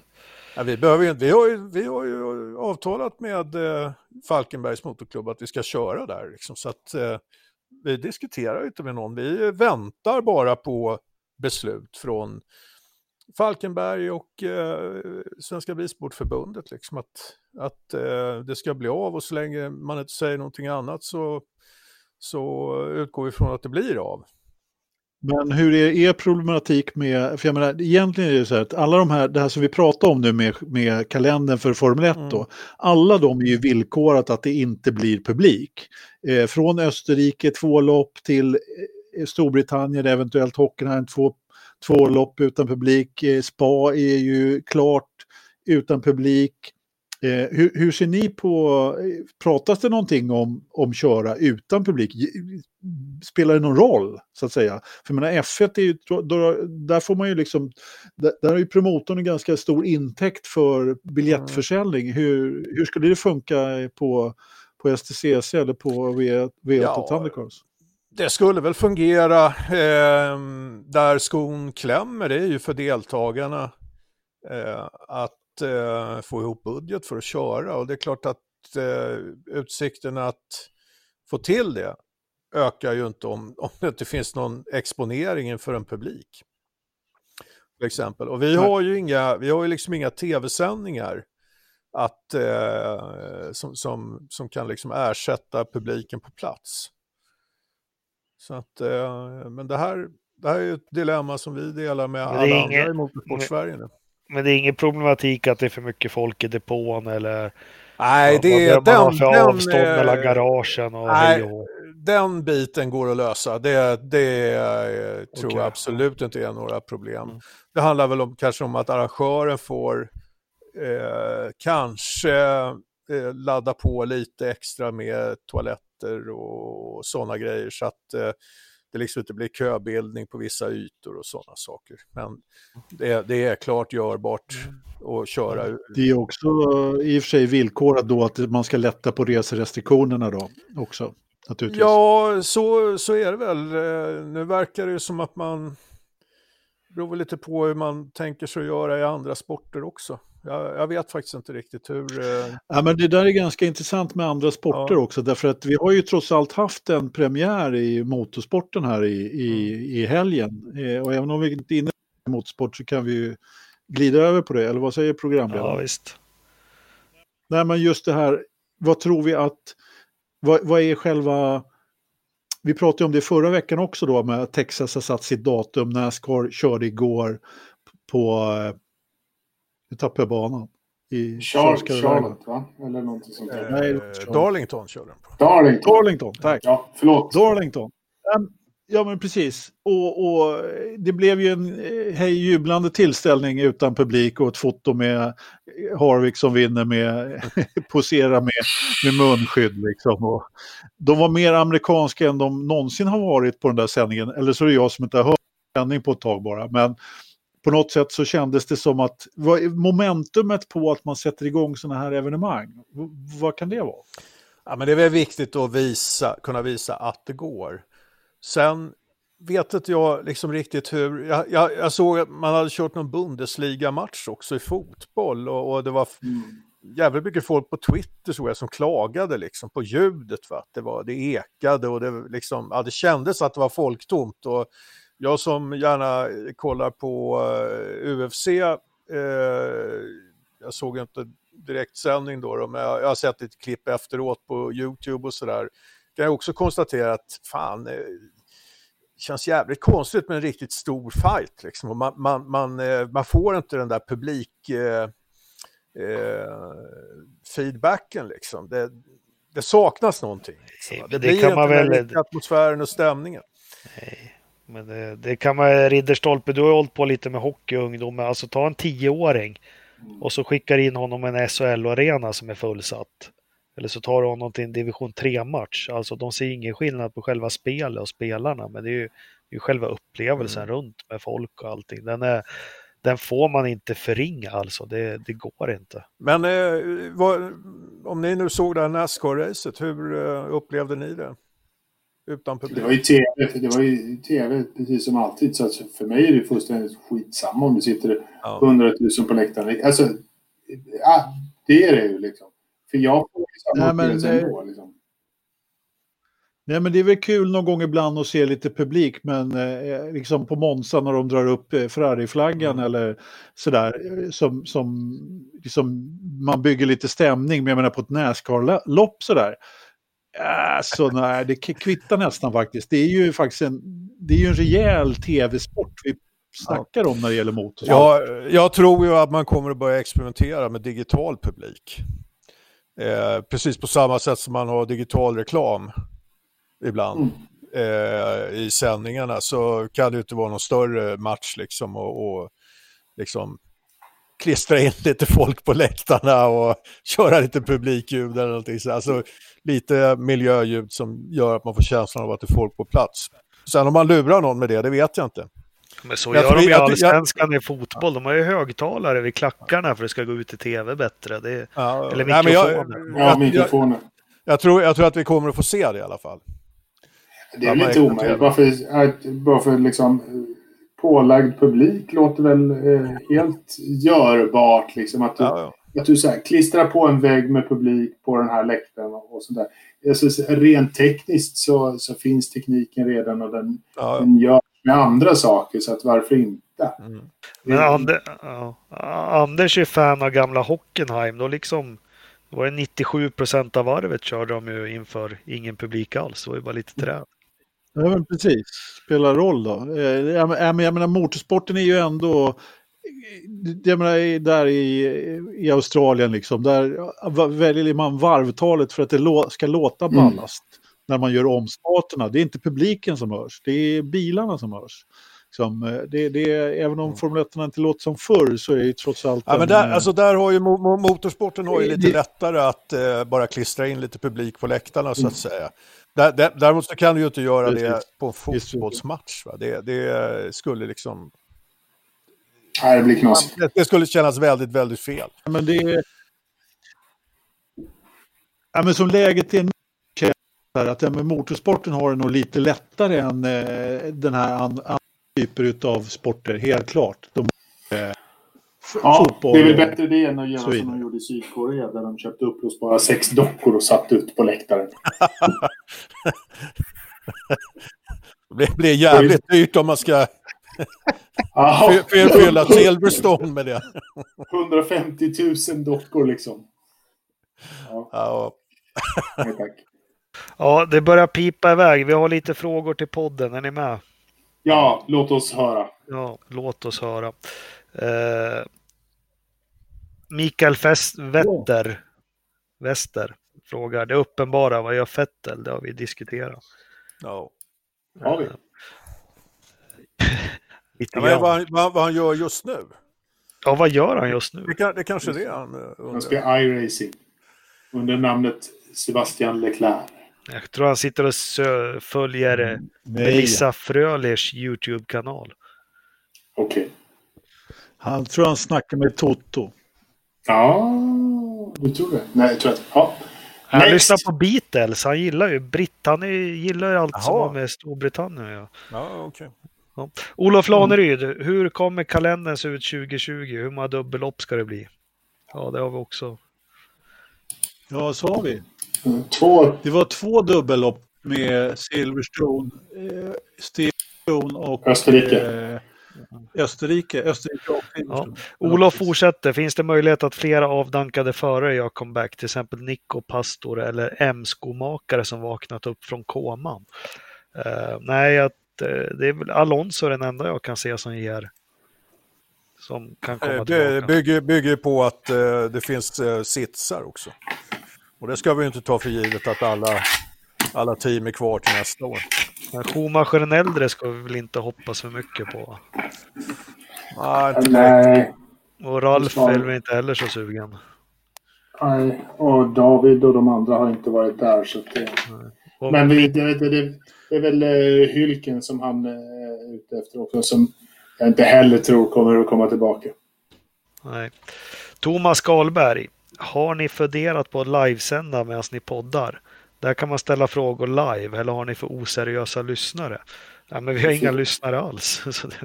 Nej, vi, vi är väl alldeles för, vi är för, vi är, vi är alldeles för oseriösa poddar för...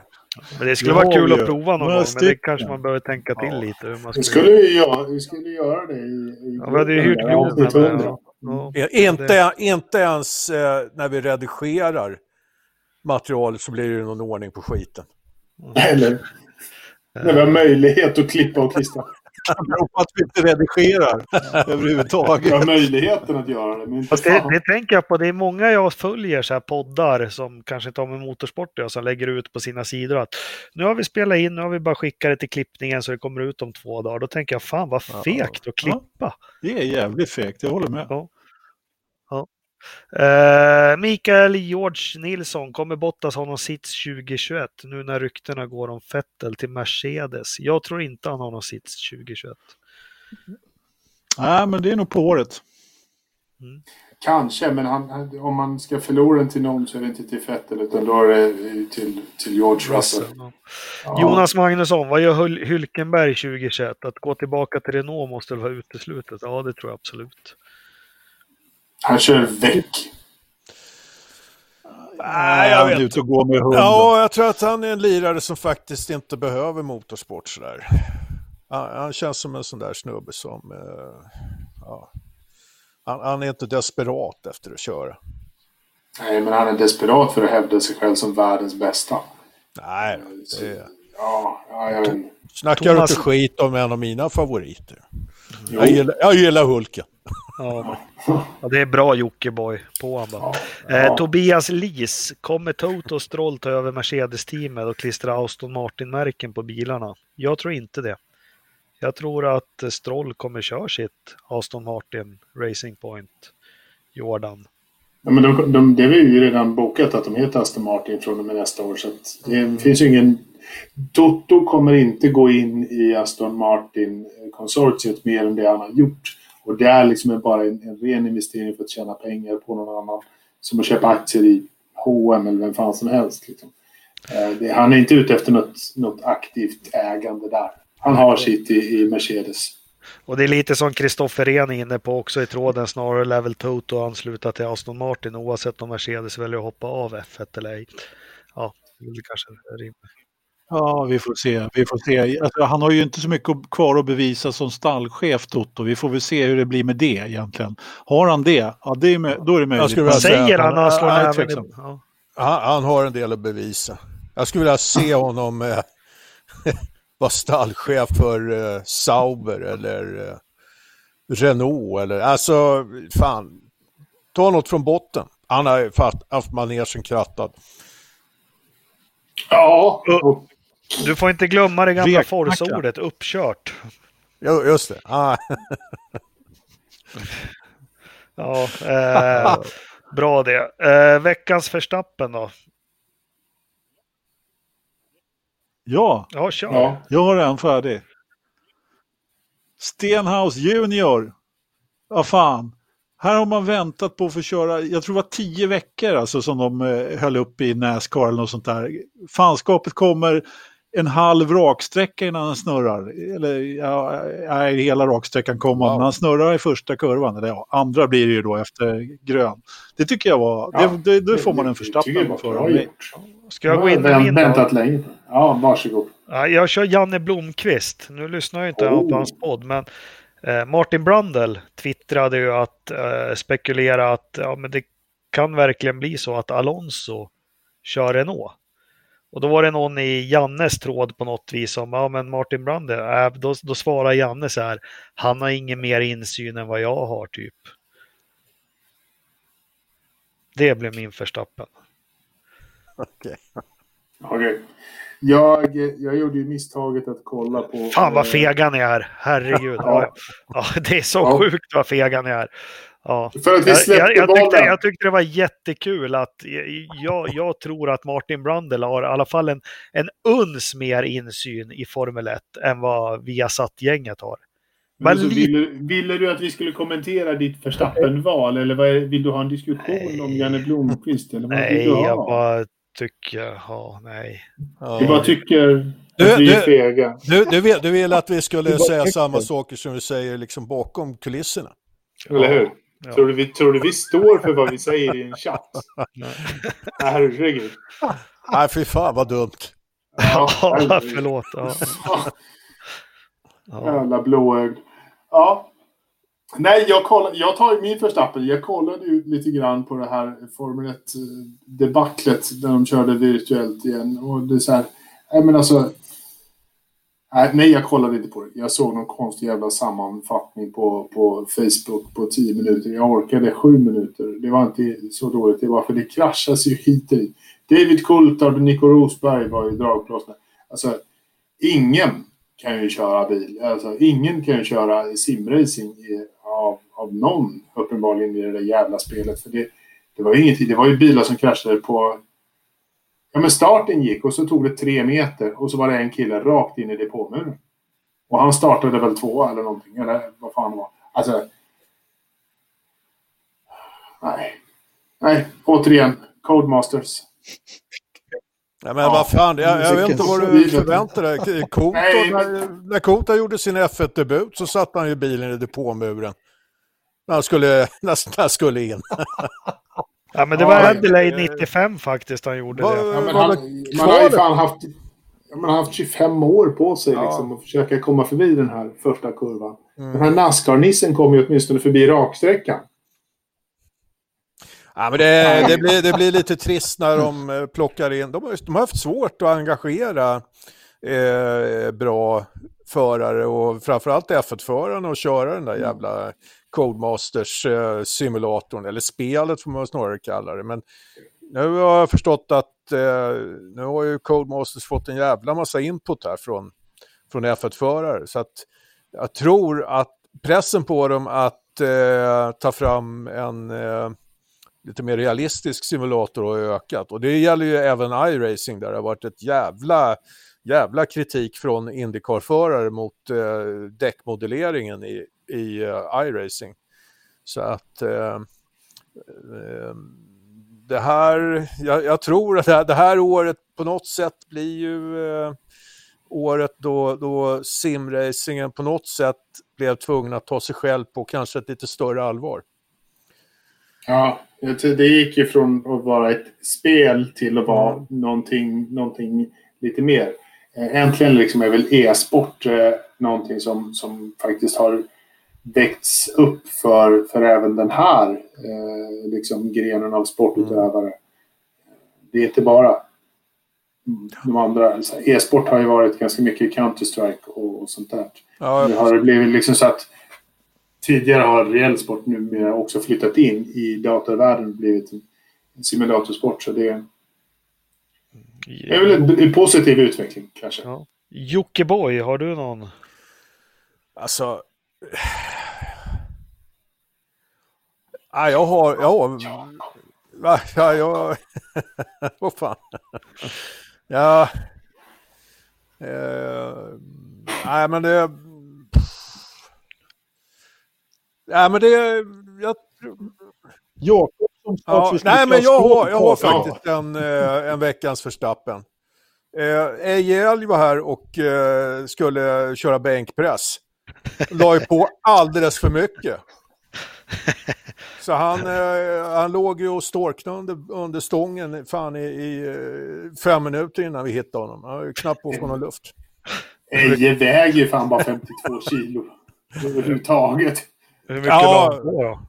Nej, det var själva klovarna liksom som man ska spänna fast vikterna och stången bara. Jaha, 25 Precis. kilo typ. Då. Ja, Ja. Ja, ja, så det kan gå. det räckte. Du, hur, det hur, går det, hur går det med gym annars? Vad har du för planer den här veckan som kommer? Har du något pass man ska Ja. boka in sig på? Eller? Fan, vi, ja, nej, men det, vi, vi fick ju eh, avboka... Har, har, det en vatt, har det en vattenläcka eller var liksom, var, har tvättstugan flyttat ut i, i, i gymlokalen där? Va? Vad nu? Vattenläcka? Har vi tvättställningen bakom dig? Ja, men... Eh, det, syns, det syns ju faktiskt i kameran här. Ja, vi, vi, vi kör, eh, vi kör tvättställ. Det där är inget tvättställ. Eh, Det där är ett rack som man ska hänga och klänga i för att, att bli starkare. Det är, det är, det är en vertikal, Ja, exakt. horisontell ribbstol. Ja.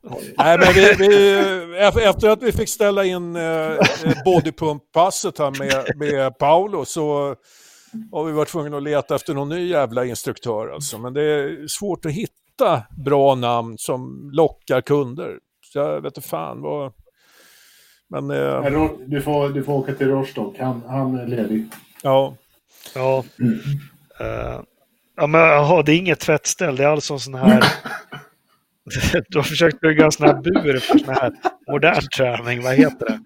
Ja, det, är, det är en sån där crossfit-grunka. Ja, Ja, crossfit. Ja, exakt. precis. Att man ska eh, klänga i den där jäveln. va. Ja, Återigen, vad är det för färg på banden du har då? det ser jävligt rosa ut kanske. Ja, de, eh, de röda fick svärmor ta över för de var ju alldeles för eh, slappa alltså. Ja. Ja. Så att jag har, jag har blåa och svarta, va? men eh, vi kör inte så mycket det där. Vi kör, det är stången som gäller. Alltså. ja, det är stången som gäller. Alla är hjärtligt Ja. välkomna till Pumping Iron Huddinge och, Jajamän. Jajamän. och följ dem gärna och gilla på Ja. Facebook. Och, Det, ja. det är Stockholms första riktiga utegym. Med Ja. en riktig skivstång.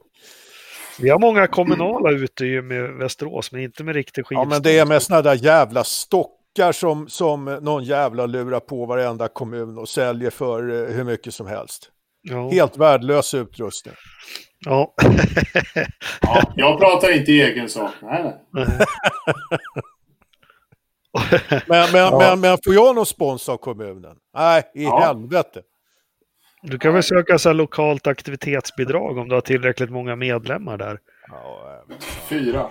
Det är, det är, tur, Ja. det är, tur, eh, det är tur att eh, jag har ryssfemmor att sälja, annars skulle det aldrig gå ihop. Alltså. Vi kanske ska skippa väder i Idre en punkt som heter Pumping Iron i Huddinge, något man får Ja. gissa. gissa. Bengt Grive har varit där och tagit PB i knäböj eller något sånt. Eh, eh, vädret i Idre, det är kallt i minusgrader, det är fuktigt ute 76 procent, det är 33 procent inne. Vi går direkt på... Vad säger du? Är det, är det minusgrad? Ja, Då har eh, tomatplantorna jag ska- frusit.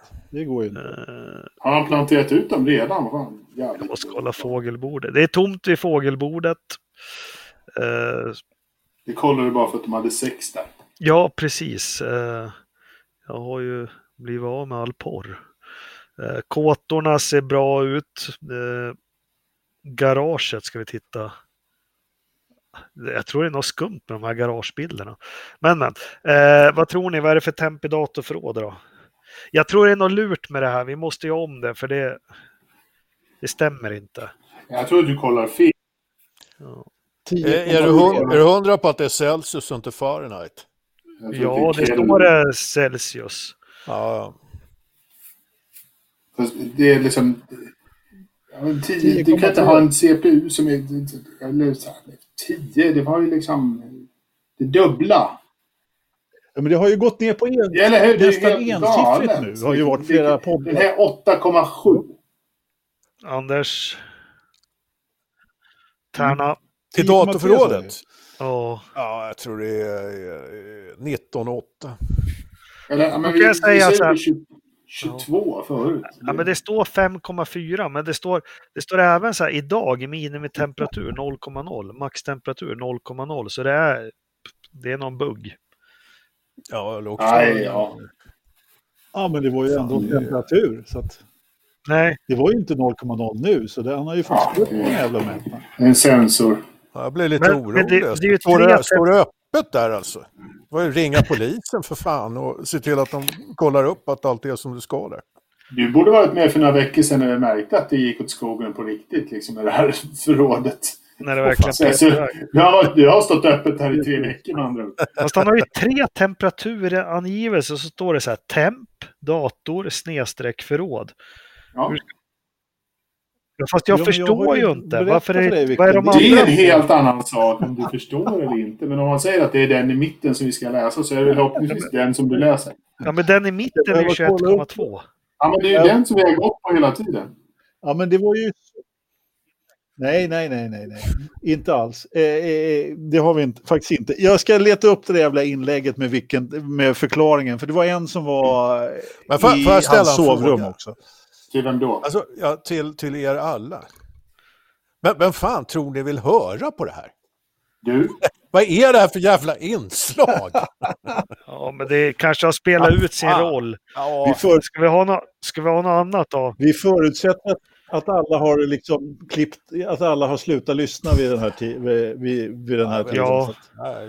Jag är skeptisk till det här. Alltså. Ja, jag börjar också bli skeptisk. Det, har liksom, det är inget kul längre. Du har ju inga teorier när du väl är med Jockiboi om vad... Nej, men vad fan, vad ska man sitta och hitta på? Att eh, han... Ja, men eh, förr när du var lite på tå, liksom, när det Ja. var en helt annan Jocke, då var ju... Du, det Ja, men man kan- brann men ju liksom, ja, liksom när vi kom in på det här. Du, du spekulerar ju och Ja. du var jättenyfiken och bekymrad när det började pipa iväg. Och, och, Ja, precis. Då kunde man misstänka att det var någon DDoS-attack eller att, Ja. kanske eh, surfades jävligt hårt på porr eller någonting sånt där som drev upp temperaturen i datorförrådet. Va? Men, ja, men vi har kört de grejerna nu. Ja, men du har ju blivit helt blasé på det här. Va, va, hur ska vi få dig att tända till Eh, igen? Ja, ja, men jag är som Fettel. Ja, okej. ja. Liksom. Jag, det är... Fan, det är... Ja, men med de orden så låt, låter vi Joakim Ternström gå runt och gråta och sparka grus i någon sandfolla i Huddinge då, och så, som Fettel. Och så tackar vi för Ja. det här avsnittet och eh, nästa vecka kommer vi med det legendariska avsnitt 96. Eh, Gör det verkligen? Blir det ett avsnitt nästa vecka? Ska vi inte hoppa över 96, köra 97? på en och gång? vi gör så. Eh, Ja, jag du har väl några avsnitt ligger i din dator också Ternström du kan sända ut? Vi var ju så jäkla laddade första gången vi spelade in så vi spelade väl in fyra, fem program där bara. Ja. De har, om jag Det känner Ternström rätt så har han raderat allt. Det är klart han har. Men Ja, jag tänkte där- att det skulle ha- jag vet det skulle väl inte. vara någon kvarting eller någonting sånt där. Jag tänkte det har ju pratats om, men det har det inte Ja, blivit. jo, de, de kommer, men ja, men du har rätt Ternström. I samband med varje års deklaration så raderar han allt. Ja, jo, men det, är Det- alltid, det kan- det är alltid en disk som eh, försvinner och det går inte att, att eh, återskapa datat alltså. Det, Nej, det är bra. Ja, men eh, tack för att ni lyssnade allihopa. ja, ha det gott. Tack för att ni lyssnade. hej. Ha det bra. Hej då. I övrigt anser jag att Ferrucci är en idiot.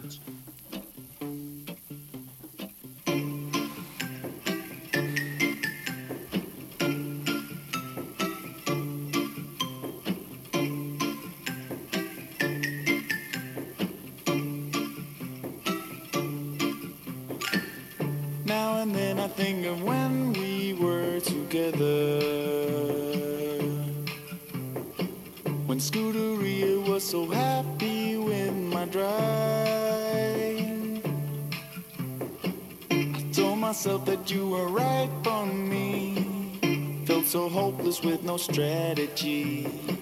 But there was love cause Kimi didn't lose his temper.